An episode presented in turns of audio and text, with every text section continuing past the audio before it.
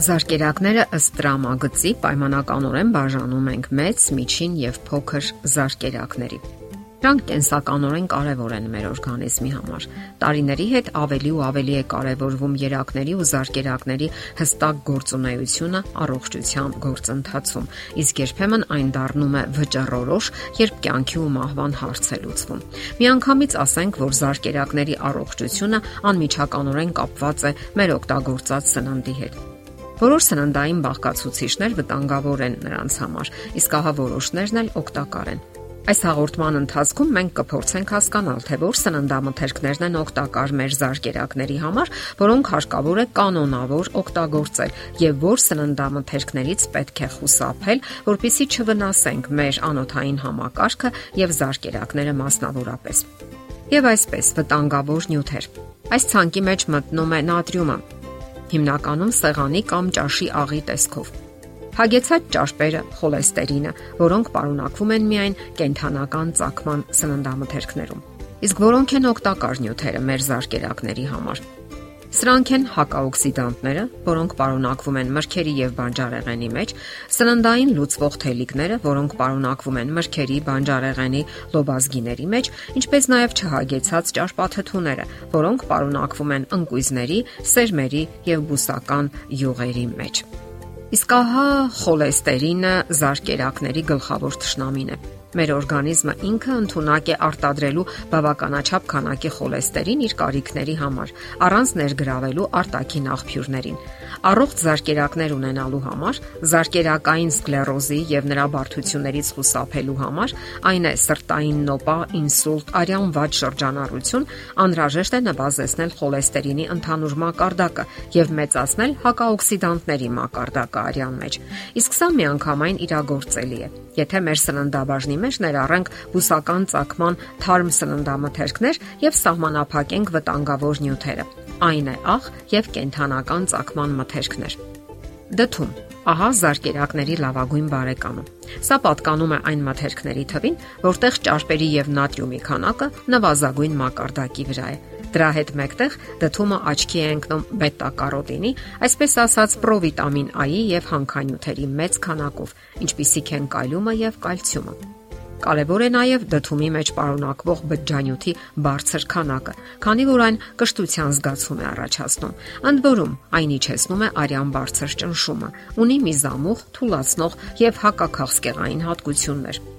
Հիպերտոնիայով տառապողները կամ բարձր ճնշում ունեցողները կարող են ամեն օր ուտել այն ցանկացած տեսքով, սակայն առանց աղի, քանի որ աղը չեզոքացնում է դդումի օգտակար հատկությունները։ Նրանք, ովքեր տարապում են սրտի իշեմիկ հիվանդությամբ, ստենոկարդիա կամ սրտամկանի ինֆարկտ, պետք է ուտեն այն ոչ պակաս, քան շաբաթական 3 անգամ։ Դթումն ազդում է երիկամների վրա որպես թույլ միզամուղ միջոց, ապահովելով հեղուկների հեռացումը օրգանիզմից։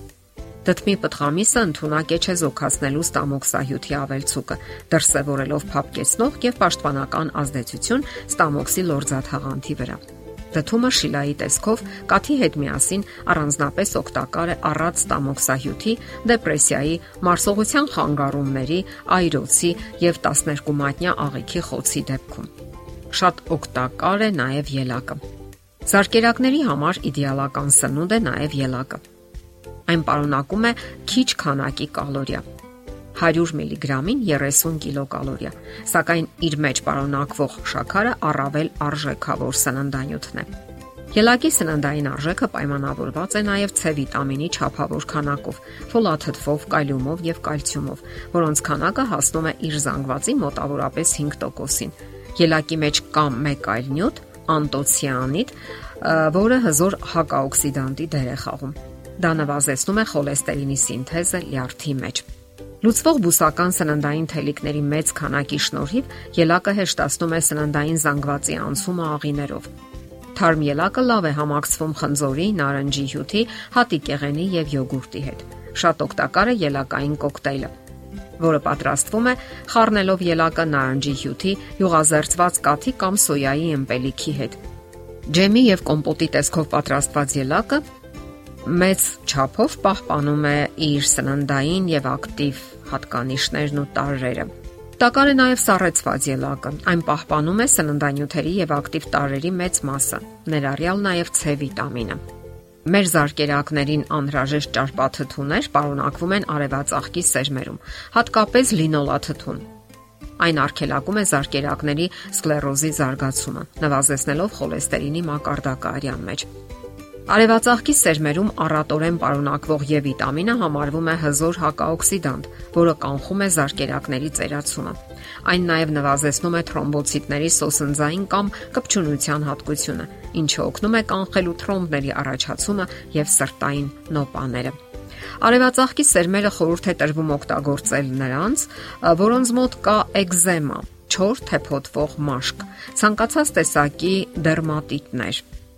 Արևածաղկի սերմերը ամրապնդում են նաև եղունգները, մազերը, նվազեցնելով ծեր մազերի քանակը։ Բացի երակների համար անկասկածելի օգուտից, արևածաղկի սերմերը օգնում են նաև նրանց, ովքեր տարապում են սթրեսից, դեպրեսիայից, անքնությունից կամ նյարդային վիճակից։ Այս սերմերը օգտակար են նաև նրանց համար, ովքեր տարապում են սակավարյունությունից կամ վերականգնվում են լուրջ հիվանդություններից։ Ասենք որ այս սերմերը կարող են ուտել նաև շաքարախտով հիվանդները։ Դե ի՞նչ, սատարեք ձեր զարկերակներին, չէ՞ որ բնությունը տվել է բոլոր անհրաժեշտ միջոցները։ Եթերում առողջ ապրելակերպ հաղորդաշարներ։ Ձեզ հետ է Գեղեցիկ Մարտիրոսյանը։ Հարցերի եւ առաջարկությունների համար զանգահարել 033 87 87 87 հեռախոսահամարով։